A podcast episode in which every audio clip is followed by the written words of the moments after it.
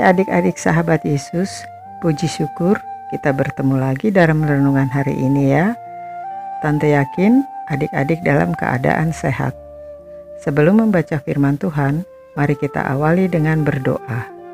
Tuhan Yesus yang baik, kami akan membaca dan merenungkan firman-Mu. Berkati kami Tuhan agar kami dapat mengerti firman-Mu. Dalam nama Tuhan Yesus, amin. Adik-adik, mari kita buka Alkitabnya ya. Bacaan firman Tuhan terambil dari Kejadian 40 ayat 8 sampai 14. Mari kita baca bersama-sama ya. Jawab mereka kepadanya, "Kami bermimpi, tetapi tidak ada orang yang dapat mengartikan mengartikan." Lalu kata Yusuf kepada mereka, "Bukankah Allah yang menerangkan arti mimpi? Ceritakanlah kiranya mimpimu itu kepadaku." Kemudian juru minuman itu menceritakan mimpinya kepada Yusuf. Katanya, dalam mimpiku itu tampak ada pohon anggur di depanku.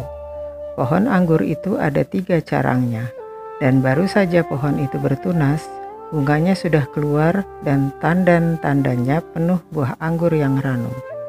Dan di tanganku ada piala Firaun. Buah anggur itu kuambil, lalu kuperas ke dalam piala Firaun, kemudian kusampaikan piala itu ke tangan Firaun. Kata Yusuf kepadanya, beginilah arti mimpi itu. Ketiga carang itu artinya tiga hari dalam tiga hari ini, Firaun akan meninggikan engkau dan mengembalikan engkau ke dalam pangkatmu yang dahulu, dan engkau akan menyampaikan piala ke tangan Firaun seperti dahulu kala ketika engkau jadi juru minumannya. Tetapi ingatlah kepadaku, apabila keadaanmu telah baik nanti, tunjukkanlah terima kasihmu kepadaku dengan menceritakan hal ihwalku kepada Firaun dan tolonglah keluarkan aku dari rumah ini. Minggu pagi pada tanggal 26 Desember 2004, terjadilah bencana alam berupa gempa di bawah laut yang menyebabkan tsunami dan menghancurkan beberapa tempat seperti di Indonesia, Sri Lanka, Thailand, dan India. Adik-adik, Ternyata ada seorang anak perempuan usia 10 tahun yang menjadi pahlawan karena berhasil menyelamatkan ratusan nyawa di pantai, pantai Maikau, Thailand.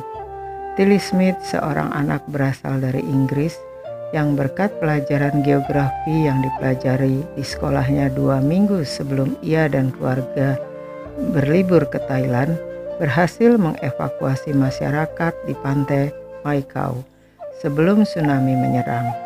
Awalnya Tili melihat air laut yang surut ada gelembung berbuih di lautan. Tili mengenali ini sebagai tanda tsunami. Tili kemudian memberitahukan orang tuanya, pengunjung pantai dan masyarakat di sekitarnya. Karena pengamatan Tili, pantai dapat dievakuasi sebelum tsunami menghantam. Tili berhasil menyelamatkan banyak nyawa. Sebuah asteroid 20002 dinamai sesuai namanya, Tilly Smith, dan bahkan Tilly diundang untuk hadir di PBB pada tahun 2005. Adik-adik, Yusuf dan Tilly Smith adalah contoh orang yang menggunakan kepandaian yang mereka miliki dengan bijaksana. Berkat mereka banyak nyawa akhirnya diselamatkan.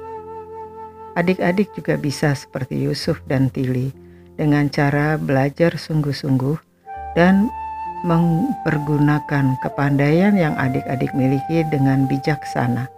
Bijak berarti mempergunakannya seturut firman Tuhan dan demi kebaikan. Jadi adik-adik bisa memakai kemampuan dan kepandaian yang diberikan Tuhan dengan melakukan hal yang benar di hadapan Tuhan. Mari kita mau katakan, aku mau memanfaatkan kepandaian yang aku miliki seperti Yusuf dan Tili. Sebelum mengakhiri renungan ini, mari kita berdoa. Bapa di surga, ajar kami memanfaatkan kepandaian yang Tuhan beri kepada kami dengan sebaik-baiknya. Terima kasih ya Tuhan, dalam nama Tuhan Yesus, amin. Tuhan Yesus memberkati. Sampai jumpa renungan besok.